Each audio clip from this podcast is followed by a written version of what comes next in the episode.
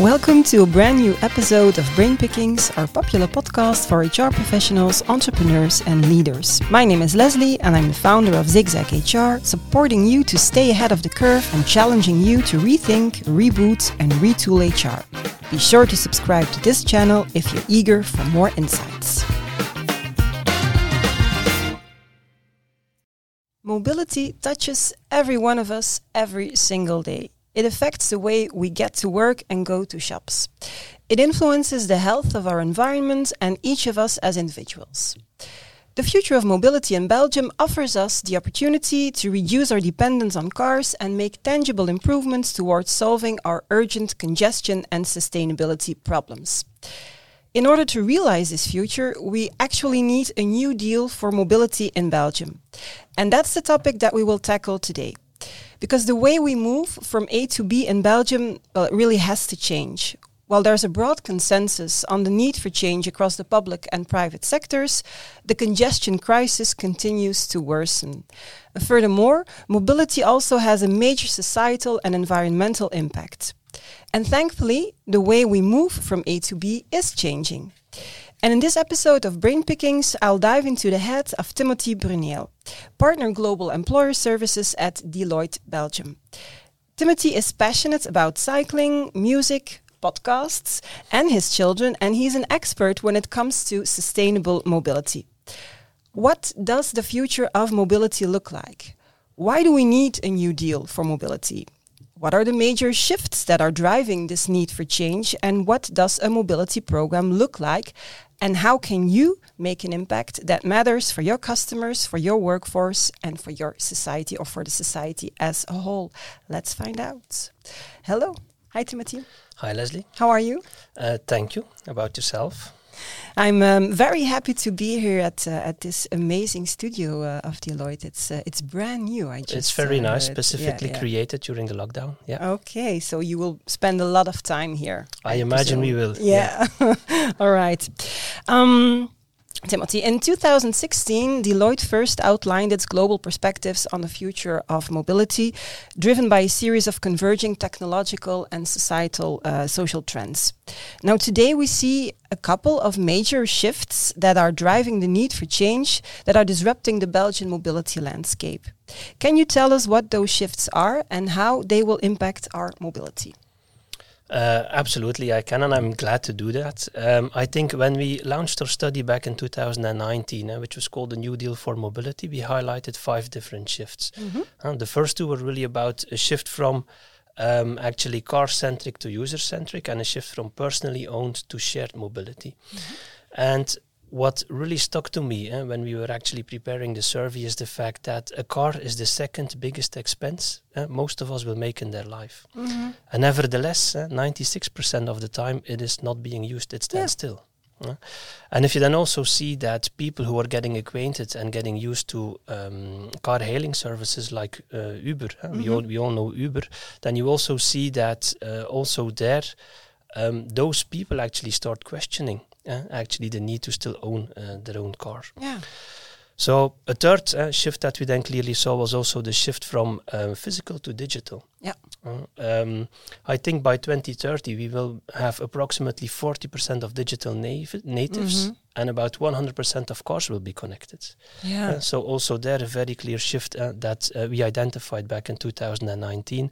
And the last two shifts were actually a shift from uh, single mode to multi-mode Mhm. and a shift from the traditional internal combustion engines and uh, diesel petrol Yeah, yeah. to actually electric. Now, perhaps it's worthwhile to take a little bit a step back to understand a bit the broader context of those shifts, uh, really looking at the macroeconomic trends that are hitting us. Yeah. Uh, I think first of all, and and I think uh, again, um, a lot that will be recognizable for a lot of us, but also in terms of mobility, uh, we see the impact and and the rise of the sharing economy. Yeah. I think in the last months we really have seen those very first solutions in the market Indeed. introducing a Netflix, Spotify-like model in terms of mobility. Mm-hmm.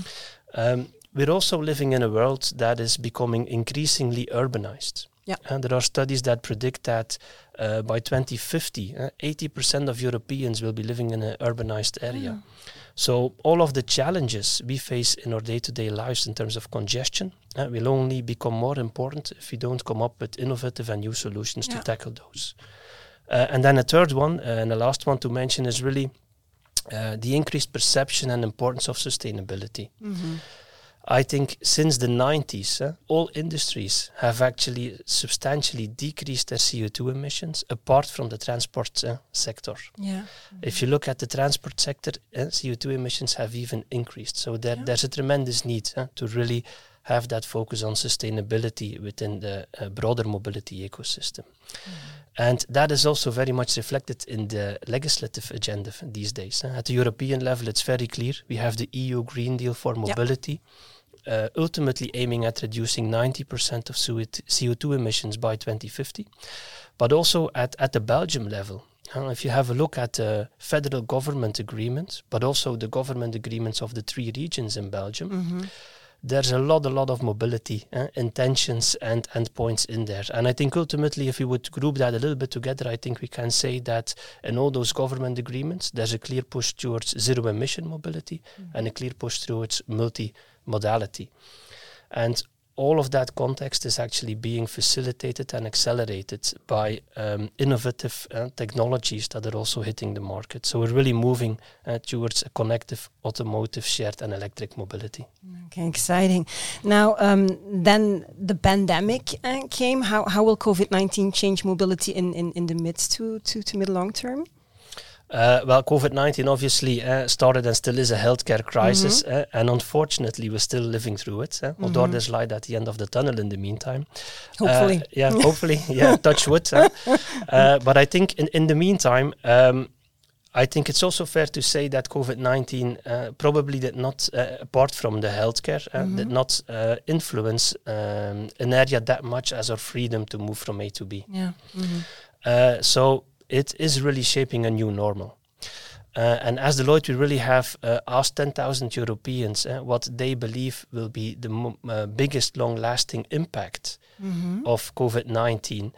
And their answer was very clear. Uh, uh, most of them expect actually that um, they will have um, an increased ability to choose uh, when Mhm. and how uh, and where they work. Yeah. And so f- I think even 64% was actually um, um, asking uh, for more flexibility Mhm. uh, in terms of remote working.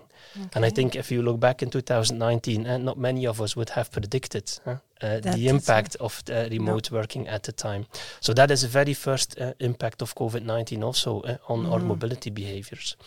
I think a second one is uh, the impact on e-commerce. Yeah. I think during the lockdown, especially, uh, we all experienced uh, uh, the benefits of having the goods uh, Mhm. actually be brought to your home Yeah. instead of us moving uh, or going to the shops to purchase those items. So that is a, a second big element uh, where COVID 19 has an impact. Mhm. Um, the third one is uh, really just the neg- negative impact it had on mobility scale ups. Yeah. I think also there, uh, uh, our 2021 scale up survey of Deloitte showed that uh, the mobility scale ups were hit uh, the hardest by Mhm. COVID 19. And then a fourth point, perhaps, and a last one I want to mention, and, and that is an important one. We still see actually um, public and private uh, actors in the mobility space and still um, responding and recovering from COVID 19 uh, with, with uh, adjusted procedures around uh, health um, and so on. But one of the lessons that were really learned in terms of the needs of the end user Mhm. uh, was very important. And that lesson was really that increased need for flexibility Yeah.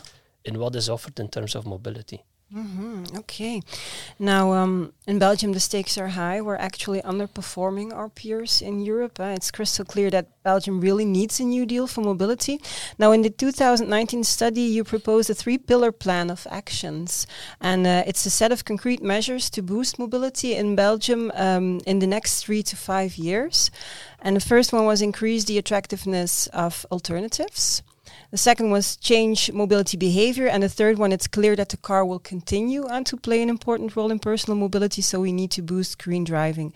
Can you maybe elaborate on, on those three actions and the evolutions that you see? Yeah, and especially the evolutions are, are mm-hmm. actually, I think, very relevant. Uh, indeed, first thing we said was uh, we, we need to focus on making alternatives more attractive. Mm-hmm. And back in 2019, uh, we then uh, launched a bit of call for multimodal hubs. Uh, so uh, points physically integrating different mobility solutions, uh, uh, embedding connected technology, real-time traffic information, and mm-hmm. so on. Uh, but we also uh, spoke about the introduction of mobility as a service, so MaaS models. Uh, and lastly, about cycling. now, on MaaS and cycling, we have seen a tremendous evolution in the last two years. Mm-hmm. Um, and what is very interesting to see is also the the power that uh, corporates have in that. And yeah. through corporate mobility programs, so mobility of employees, um, and more and more focus in those programs on MaaS solutions, uh, you really see that the MaaS players that were active in the market have been able to tremendously mature their solutions. Yeah. Uh, offering more choice and flexibility mm-hmm. Uh, mm-hmm. for uh, employees.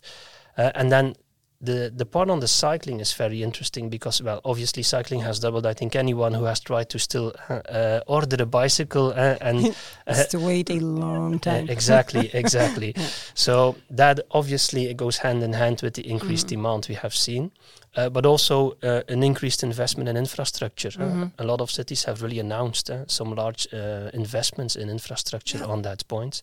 Now, if you dig a little bit deeper, and of course I have a tax background, so for me this is this is interesting. Uh, but if you dig a little, little bit deeper, then you really see that the reason why cycling is actually booming that much is because mm-hmm. employers are offering it as part of their mobility programs, yep. eh, or just as uh, a separate cycle, cycling plan um, as such. And you have a very clear and very beneficial tax and social security treatment mm-hmm. for a bicycle. And just that clarity uh, really boosts actually the popularity of the bicycle as an alternative. Okay. So that there we see a very clear evolution, but also a very nice example of the impact uh, yeah. uh, that the tax framework can have. Yeah. And that actually uh, brings brings me very nicely uh, to uh, the second action we or priority area mm-hmm. we actually put forward in our study back in 2019, which was. Um, really focusing on that tax framework, that yeah. legislative framework. Um, and I think if you look at it, and unfortunately is still the case today, it's too much centered about, uh, or too little centered about the actual use of the mobility solution. Mm-hmm. Uh, in 2019, we had just, uh, or we were very much anticipating uh, the mobility budget. Uh, we had the cash for car measure which is in the meantime already gone again, mm-hmm. uh, or mm-hmm. almost gone. Mm-hmm. Uh, there's still a, a, little bit of a uh, couple of months to go before it's it's fully gone.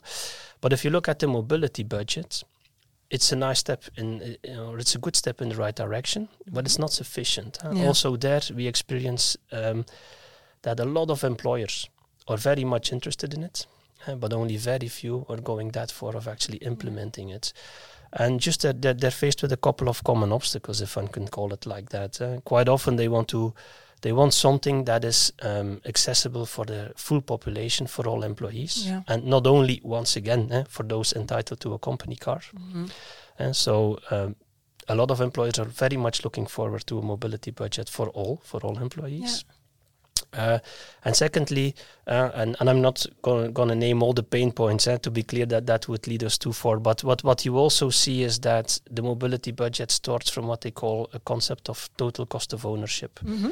And in the market, there's a lot of inconsistency in mm-hmm. terms of uh, TCO, eh, as it's called. I think uh, if you speak to any HR professional, fleet professional, if they ask a TCO on a new lease car from three different lease companies these days, they will get three different values. Yeah. So that lack of consistency in the concept is also uh, really um, reducing the take-up rate of the mobility budget. Uh, and then there's a couple of uh, elements in the legislation itself, like uh, if you would have, just to name an example, if you would have an employee that is promoted uh, to a level that makes him or her eligible for mm-hmm. a company car, today they still have to wait uh, for 12 yeah. months before they can actually opt in for the mobility yeah. budget, uh, which, which, does not make sense. No. Huh? Yeah, not so, at all. Uh, luckily, there are plans to ad- to adopt yeah. that uh, mm-hmm. as we have understood it. Um, and then I think uh, to to finalize, the last point we mentioned was indeed if you drive, drive green. Yeah.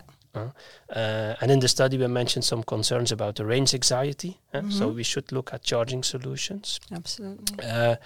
And we also uh, raised some concerns about uh, the price point of an electric car uh, and the feasibility as such. huh? And I think uh, if we look at the market since 2019, I think there's only a, a positive evolution. Yeah. Uh, more and more corporates have actively invested in um, adding uh, EVs, full battery electrics, but also plug-in hybrids to their fleets. And with that, uh, they are also investing in charging infrastructure Mhm. um, at the office, uh, at home, but also on the road. uh, Yeah. and you see providers coming into the market trying to facilitate all of that. Um, you see some first steps from a government perspective as well, Mhm. and, and Mhm. I think the Minister of Finance uh, uh, is, is clearly uh, pushing into that direction. So everybody is very much looking forward to that actual uh, legislation. Um, but at the same time, I don't think it will go uh, far enough. It still leaves a little bit of room of grey spaces. uh, Yeah. to to uh, again, it's always very important to have very clear legislative framework to maximize adoption. Absolutely. Uh, and of course, there's a techno- technological evolution as such. I think uh, the, the models uh, in terms of electric vehicles continue to increase. The price continues uh, to decrease. hmm Uh, so all of that is going into the clear direction, uh, in, into the clear uh, good direction. Yeah. Interest, a very interesting uh, evolution. But now the momentum for change is now. You told me why. Um, well, I think a lot of what I spoke about, uh, a lot of that could easily be predicted three, Mhm. four years ago. But what we have really seen in the last year and a half, and COVID 19 has only accelerated that, is that we really have a number of converging forces that are coming together. I think, Yeah. first of all, customers and employees are becoming more and more frustrated with mobility, and I think. COVID 19 has really again emphasized that. uh, what we Mm. did not miss eh, in terms of uh. congestion. Uh, but also back in 2019, we already uh, saw surveys that um, more than 20% of Belgians were already traveling multimodal once a week. huh? So Mhm. also there, uh, uh, the evolution was already started. Um, I already mentioned the legislative agenda. Mhm. Again, clear push into the right direction. Yeah. And then we also have uh, the incumbents, and we have large corporates uh, making more and more investments in larger holistic Yeah. mobility programs, uh, in electrification of fleets as well, uh, but also uh, um, in in the um, if we look at fleet companies, uh, really trying to uh, change their offer. Um, if we look at financial services industries, also their products Mhm. are coming into the market, all to facilitate uh, that uh, shift in mobility behavior. And then lastly, we have really the innovators a bit, eh, and Yeah. that those mobility scale-ups I mentioned, eh, uh, very rapidly eh, growing Mhm. uh, their product, their processes, uh, and gaining scale. And all of that combined really makes uh, that. And today is really the momentum eh, to Yeah. start uh, investing in a corporate mobility program and to make that shift eh, to Okay. uh, really holistic uh, mobility. Okay. Um, now, what what does that new mobility program then then look like? I read there are six building blocks. Yeah, exactly. I think, uh, and to frame that a little bit, if you would say, Mhm. if you look at the market today, uh, and you would look at the mobility programs you find back in the market, I think uh, if you would map that on a horizontal axis uh, from Mhm. low maturity to high maturity, um, we see, well, a first group that is still very much focused on transforming their fleet Yeah. uh, and making it more sustainable.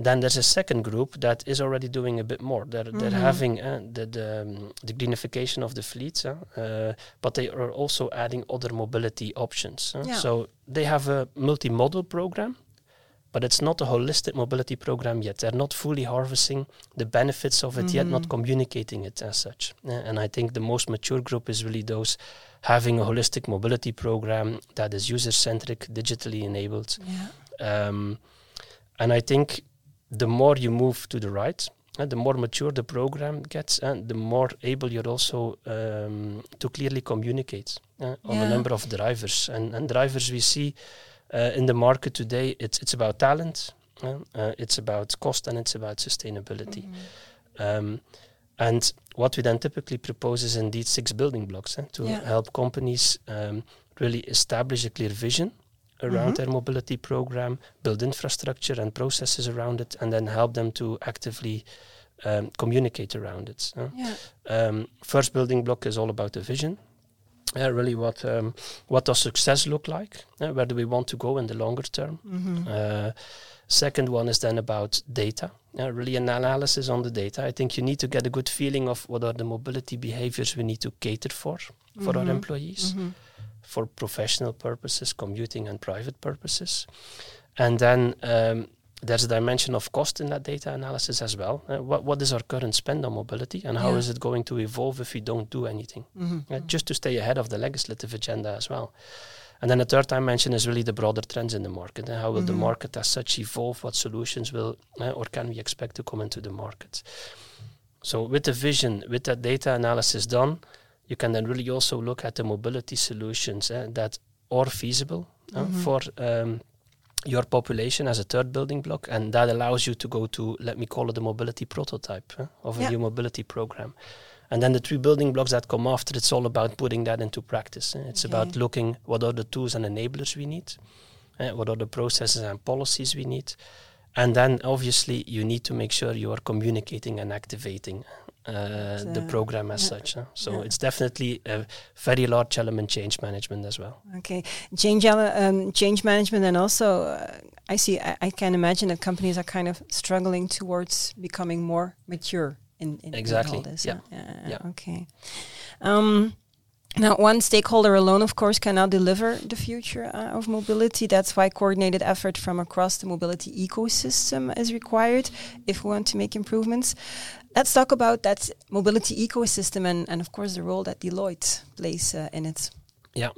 Uh, I think if, if we speak about the future of mobility, we really, as Deloitte, try to uh, go beyond the traditional uh, consulting Mhm. services. Uh, we, we're a purpose-led organization, Yeah. yeah, so we really try to make an impact that matters uh, for our firm, for our people, but also the society we live in. Mm-hmm. And it's the same if we speak about mobility. So first of all, we are trying to deliver those impactful projects. And we're doing that across the entire mobility ecosystem. Uh, we really have experts focused on helping uh, traditional uh, mobility uh, players uh, to transform their strategy, transform their business operating models. But at the same time, also have teams really helping a government to uh, establish policies uh, Yeah. to uh, change mobility behaviors.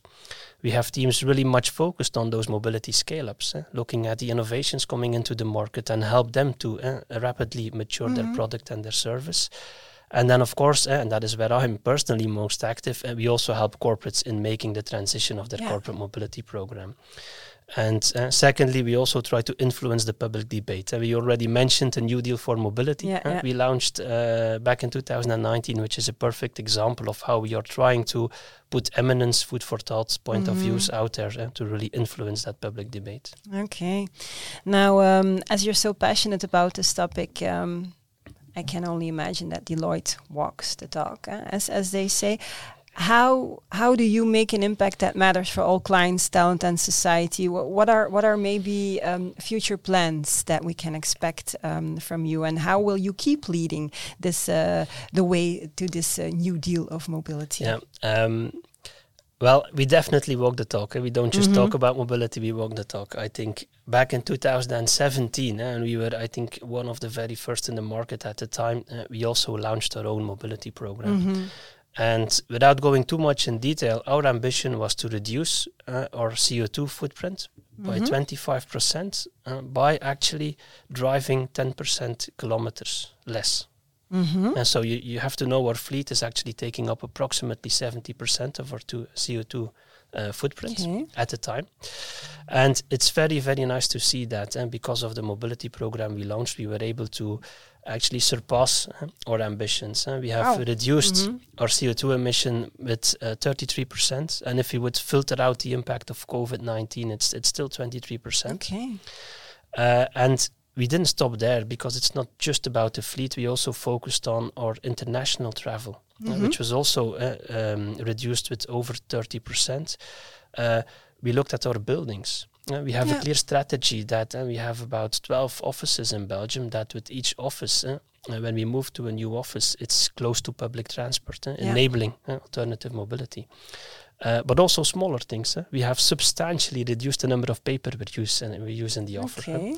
So all of that because by 2030 we ultimately want to be carbon neutral as a company. Wow. So we didn't stop with our mobility program. Uh, Wow, nice, very nice uh, to hear. Um, I think uh, actually, as as I came into this building, you can even everybody is talking about it. So it's it's actually it's part of the DNA, uh, I guess, of, of this company. It, so it uh, absolutely nice is. Yeah. yeah. yeah. Okay. Well, I think that was actually my last question, Timothy. So I don't. If you have some final thoughts that you want to share. Uh, perhaps uh, let, let, let me perhaps close with a couple of golden rules, if I okay, may. Uh, sure. If, if, if mm-hmm. you're really looking about transforming your, your mobility, your corporate mm-hmm. mobility program, I think make sure first of all that that you can start with creating alignment uh, around a yeah. common vision. Make sure you approach it as of the start as a cross-functional process. Mm-hmm. It's not just HR, it's not just fleet, it's not just finances. really compile that cross-functional team as of the beginning. Uh, make sure that it's borne by leadership. Uh, mm-hmm. Active and visible support of leadership is also very important. And perhaps lastly, uh, and uh, otherwise I will, I will continue going on. uh, I think um, I think lastly, it's it's make sure you also spend enough time in communication and activation of your yeah. program because it is change management. Yeah, absolutely. Thank you very much um, for letting me dive inside your head. I think it was very inspirational and very interesting. Uh, I hope you enjoyed it as well. Absolutely, and thank you for having me. okay, well, thank you for uh, for listening or watching. This was yet another episode of our Brain Pickings podcast. If you are eager for more, and if you're eager to stay ahead of the curve and help uh, or curve uh, and help pivot your organization towards a very exciting future, be sure to tune in again and listen to some more interesting podcasts on this channel. I'll talk to you soon and don't forget it, it's a great time to be in HR.